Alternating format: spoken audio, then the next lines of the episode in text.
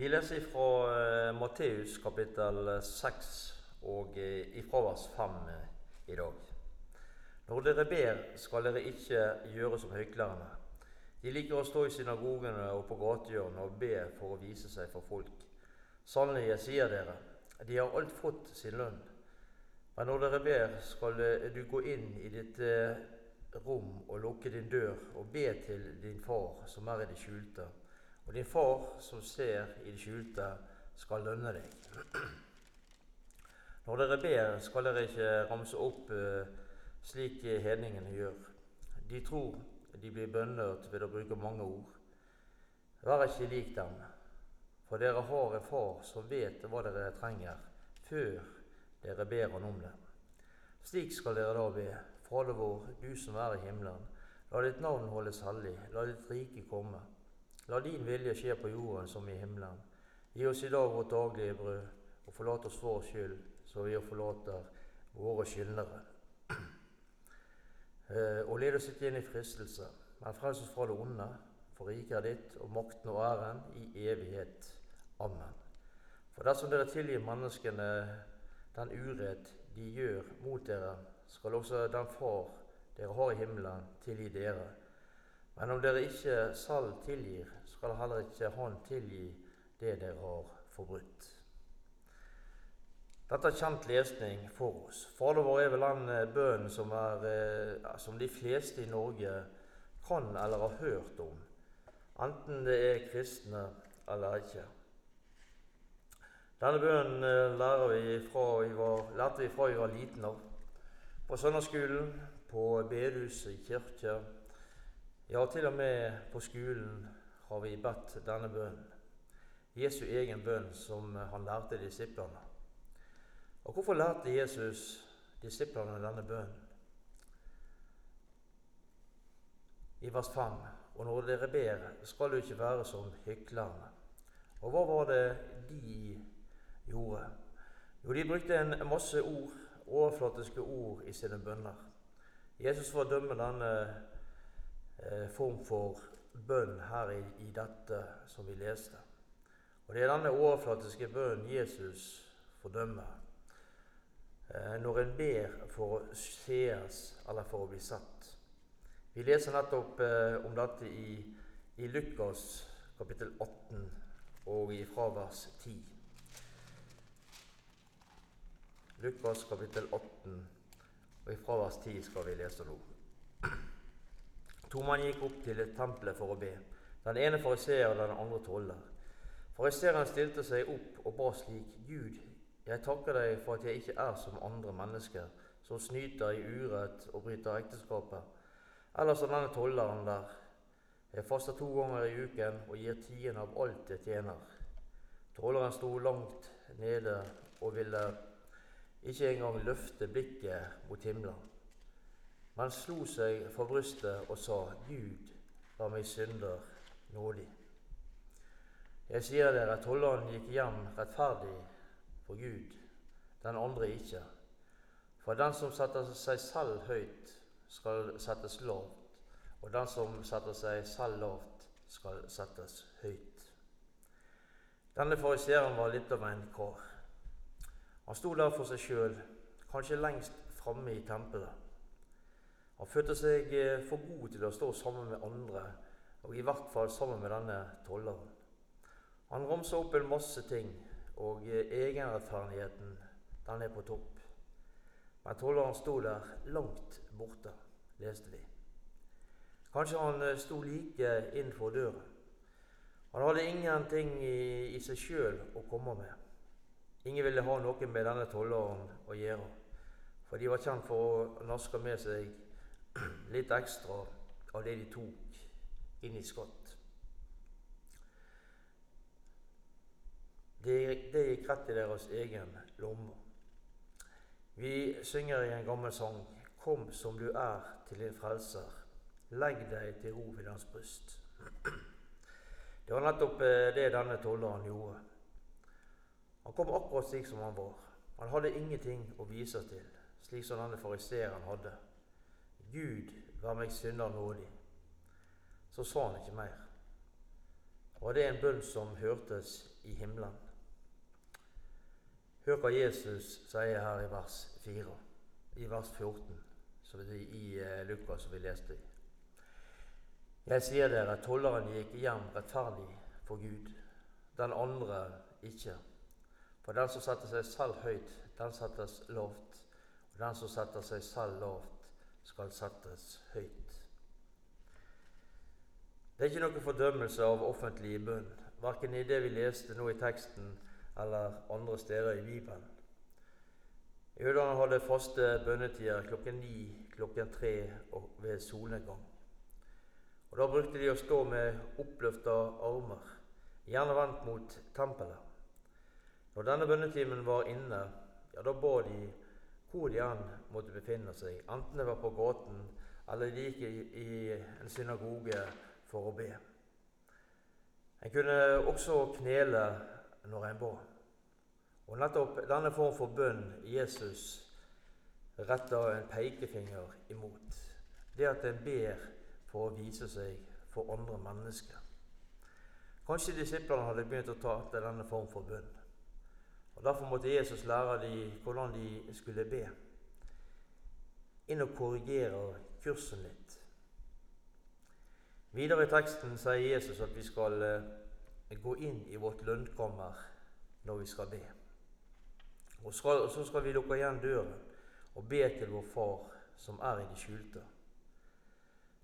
På den tiden når dette skjedde, var lønnkammeret et lagerrom der en pleide å gjemme sine mest verdifulle eiendeler. Og akkurat eh, det kan jo være en hentydning til oss om at det ligger skatter og venter på den kristne når han går inn i lønnkammeret, der han regelmessig ber. Ellers skal vi ikke legge stor vekt på rom der en ber i. Jesus gjorde fjellet eller hagen til sitt lønnkammer. Hvor gikk Isak da han skulle be? Jo, Isak han gikk ut på marken for å ha en stille stund sammen med Jesus, leser vi i Første Mosebok, kapittel 24, vers 63. Vi leser om at Peter i apostelgjerningene kapittel 10, vers 9, at han gikk ut på taket for å be. Og det er mange som har sitt lønnkommer ute i Guds frie natur. En plass der en finner, en, eh, finner den nødvendige roen og stillheten. Så har du ditt lønnkommer, din plass der du har fått satt eh, deg ned, der du kan få sette deg ned og ha en stille stund sammen med Jesus. Enten det er om morgenen, om dagen eller om kvelden. Det kan være forskjellig fra person til person. Bønn, er det noe som du prioriterer i ditt kristent liv? Har du fått satt og opplevd viktigheten av bønn i ditt kristent liv? Så er det noe som ber høyt, og noe som ber stille.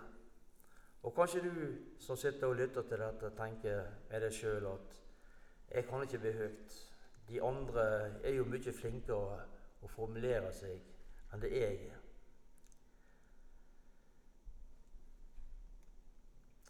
Gud, vær meg synder nådig. Disse fem ordene var alt det denne tolleren fikk frem da han sto der i tempelet og ba. Og han ble bønnhørt. Det er ikke de fine formuleringer som skal til de mange ordene. Gud er ikke avhengig av om de blir høyt eller stille. Vi skal gå til første Peters brev, og vi skal lese fra kapittel 3 i første Peters brev og ifra vers 12.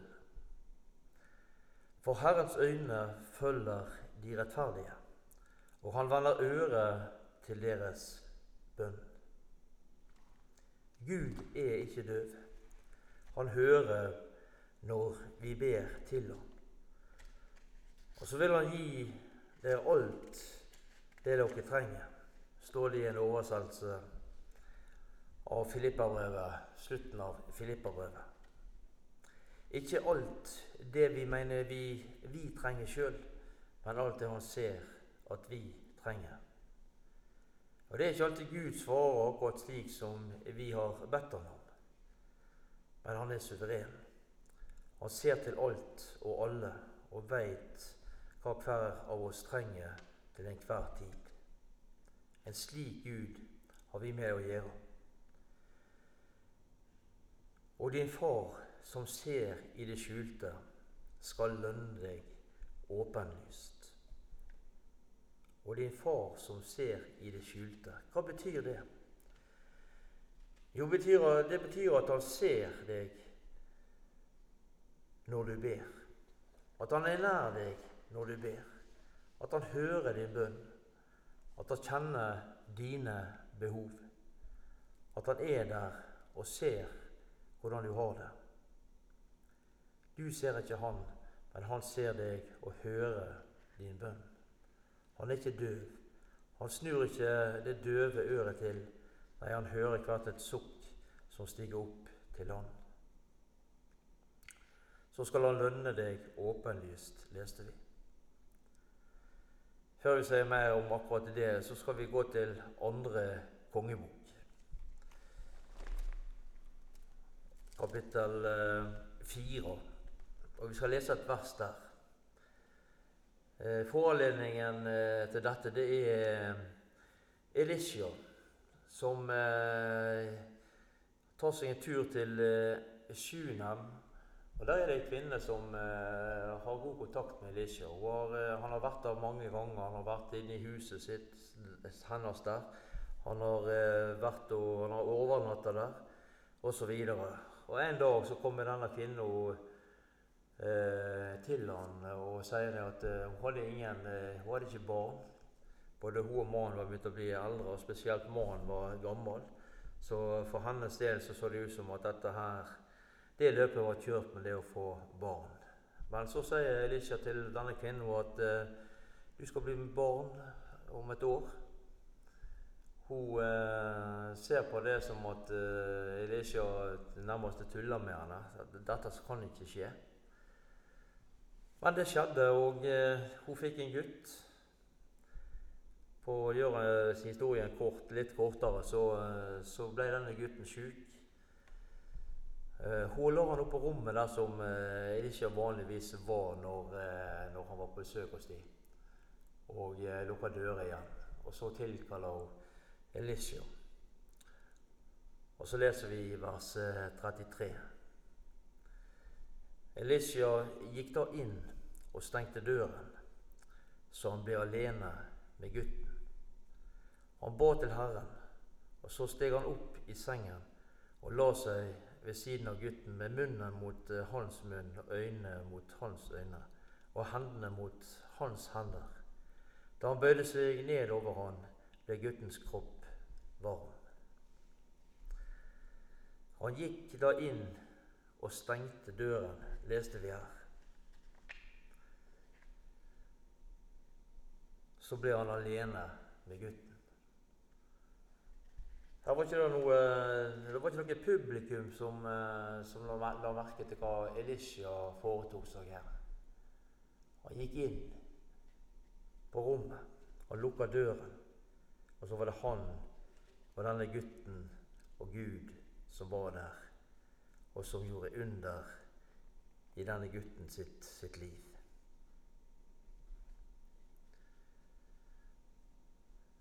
Og, din far som ser i det skjulte, skal lønne deg åpenlyst. På denne tiden Jesus levde, så lærte rabbinerne at eh, hvis en gjentok en bønn ofte nok, så skulle en bli bønnhørt. Og Fariseerne ba som oftest lange og formelle bønner uten at de tenkte så mye over på hva de egentlig betydde. En sa bønnene istedenfor å be. Og det er denne nærmest åndsfraværende mekaniske oppramsing av ord som Jesus forbyr. Ikke gjør slik som de, for de tror de blir bønder når de bruker mange ord, leste vi her i teksten i vers 7. Gud vet om alt. Før vi ber Han om det, så vet Han hva vi vil be om. Og vi skal gå til uh, Hebreabrevet. Vi skal lese ett, ett vers i Hebreabrevet, kapittel 4. Hebreabrevet, kapittel 4 og vers 13 skal vi lese. Ingen skapning er skjult for Han. Alt ligger naken og bart for Han som vi skal stå til regnskap for. Han veit om dine behov. Hvorfor skal vi be da, kan du spørre deg, når han allikevel veit hva vi trenger?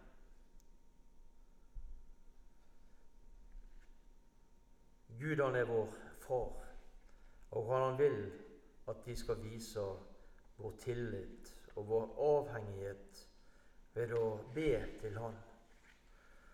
Og det at vi har et, eh, et barn-far-forhold til Han, det gjør at vi gjerne tilbringer mer tid sammen med Han. Eller er det ikke slik? Bruker du tid sammen med Jesus? I Bibelen? I bønn? Det er svært viktig for vårt kristenliv at vi bruker tid sammen med Han. At vi lever nær Han. Hvis du vil oppleve noe sammen med Jesus, så hold deg nær til ham. I vers 10 i teksten Skje din vilje som i himmelen, så på jorden, leste vi der. Jeg skal sitere en sang i forbindelse med denne, dette verset, og den lyder slik. Den vanskeligste bønnen å be med ærlig sinn er bønnen 'La din vilje skje'.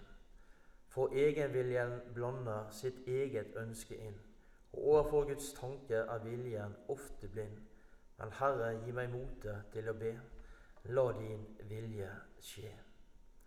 Den siste sterke bønnen som Jesus lover, var bønnen 'La din vilje skje'. Og det som ligger foran, er lett å flykte fra, og ingenting gir lyst til å si det Jesus sa. Så Herre, La meg likevel å be. La din vilje skje. Det er den enkle, stille bønnen som åpner Herrens vei, er bønnen 'La din vilje skje'.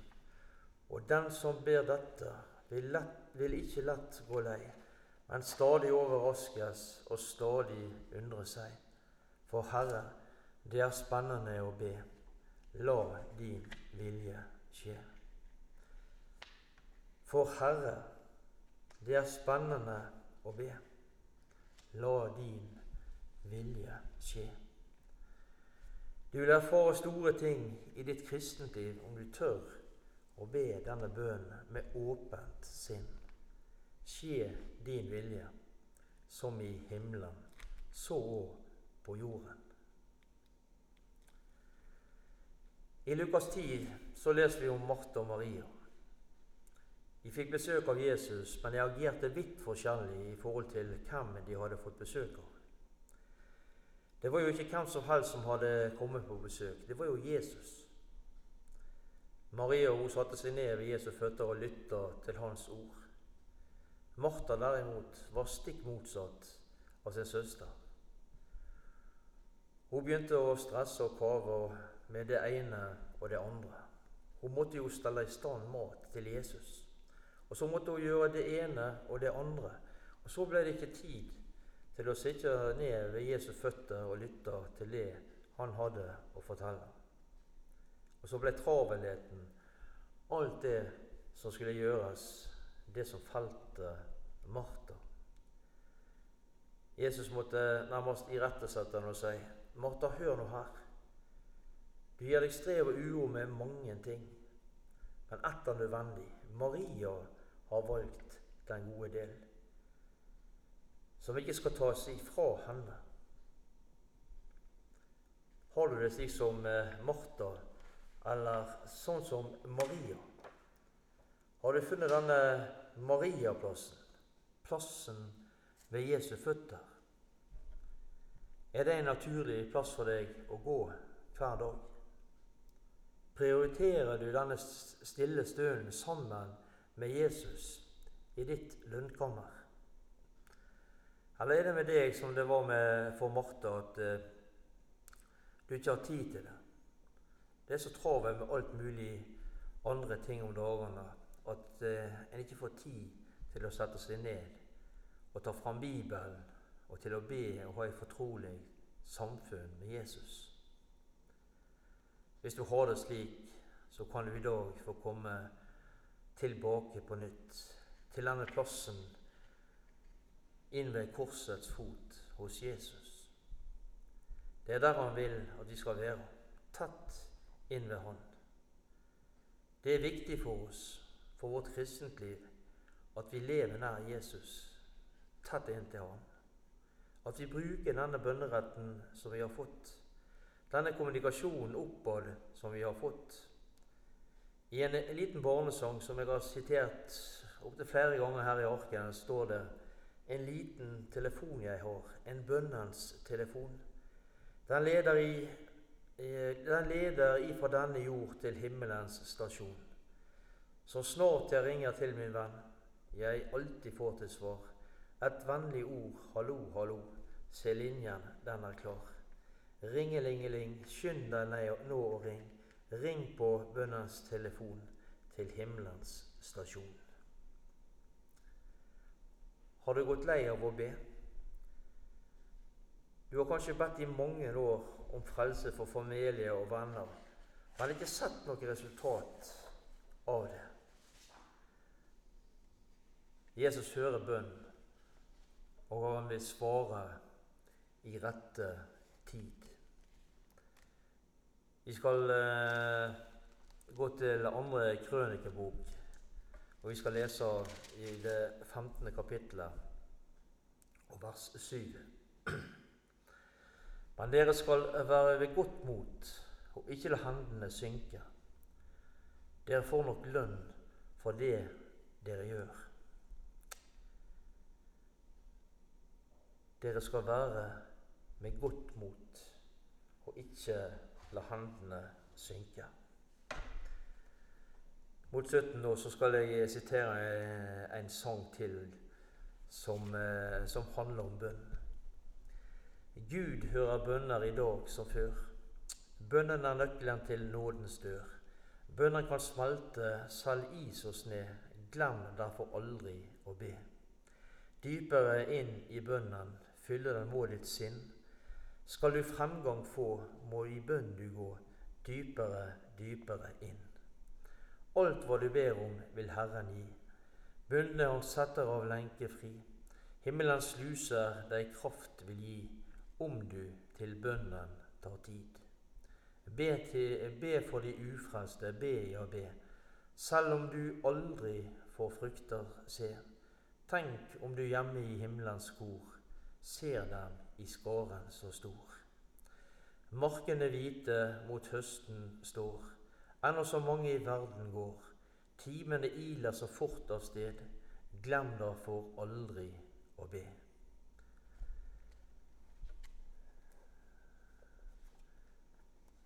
Du som eh, vil ha et fortrolig forhold til Jesus, et spennende liv sammen med Han. Lev nær Jesus i daglig bønn og bibellesing. Bibellesing, for det tilegner deg kunnskap. Bønn er viktig fordi der har du kommunikasjon med Jesus. Der kan du få legge av deg alt som tynger, alt du går og strever med, og som du ikke får til. Og Jesus hører din bønn, og han tilgir. Der kan du få takke og prise din Gud for hans godhet og kjærlighet imot deg. Der kan, du, der kan du få be om rettledning og veiledning i livet ditt. Der kan du få be om at din vilje må skje, Gud. Og så skal du få lov til å lytte. Lytte til hva Jesus har å si deg. Det blir et spennende liv hvis du, hvis du lar Jesus få plass, få gjøre det han vil i ditt liv. Vi skal til slutt lese et vers eller to vers skal vi lese fra Matteus kapittel 21. Og vi skal lese vers 21 og 22. Dersom dere tror og ikke tviler, skal dere ikke bare kunne gjøre det som jeg gjorde med fikentreet. Om dere sier til dette fjellet, løft deg og kast deg i havet, så skal det skje. Og alt dere ber om i bønnene deres, skal dere få om dere ber i tro. Ha tro til Gud. Der er en, eh, noen eldre mennesker som bor der jeg bor. og eh, Utenfor huset deres har de en bautastein som nettopp disse tre ordene er gravert inn i. Og der går masse folk forbi der. Ha tro til Gud, står det på denne steinen. Det er Han som sitter med all makt i himmelen og på jorden. Lykke til med et spennende liv sammen med Jesus i dette nye året som vi nå har gått inn i. Vi takker deg, Jesus. Vi takker deg for ordet ditt. Vi takker deg for at vi skal få lov til å vite det at du hører bønn. Du hører når vi eh, venner oss til deg.